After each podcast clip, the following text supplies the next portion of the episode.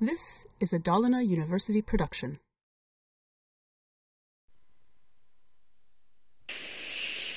När du sitter och programmerar så jobbar man oftast med färdiggjorda objekt i JavaScript.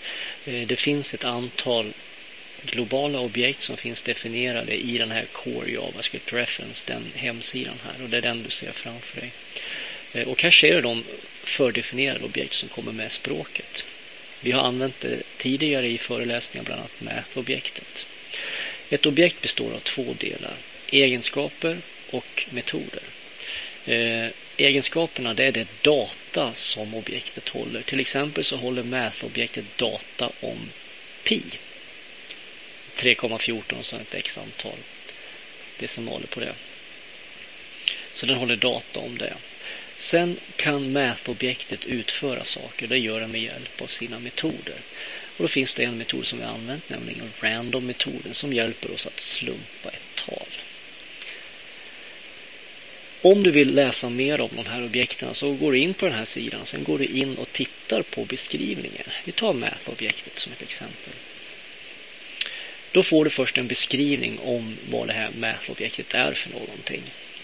Därefter så listas alla egenskaper, det vill säga det data som mätobjektet kan innehålla. Här finns då ett antal egenskaper, det du ser här som blått. Och där hittar vi pi bland annat som håller data om pi, nämligen 3,14159 någonting. Därefter så finns det för det här objektet ett antal metoder. Metoderna hjälper oss att utföra saker. Och beroende på vad du vill ha hjälp med här så väljer du en lämplig metod. Vi har ju då använt till exempel random-metoden. Vill du läsa lite mer om hur random-metoden fungerar? Trycker du här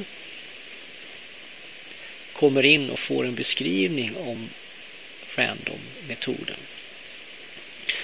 Det som är bra med den här är att dels får en beskrivning som ger en lite exempel på hur man kan använda den här random-metoden för mätobjektet. Och det var här jag hittade exempel på hur man slumpade mellan eh, ett max och minvärde.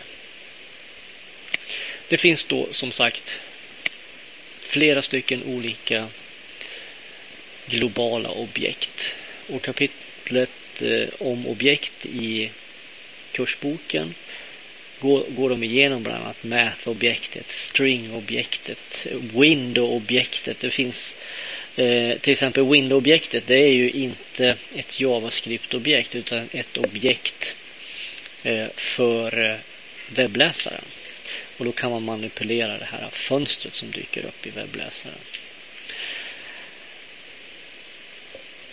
Men som sagt, det är viktigt att komma ihåg begreppet objekt och att ett objekt består av egenskaper och metoder. Och egenskaperna det är det datat som objektet håller och objektets metoder är det som objektet kan utföra med hjälp av sina metoder.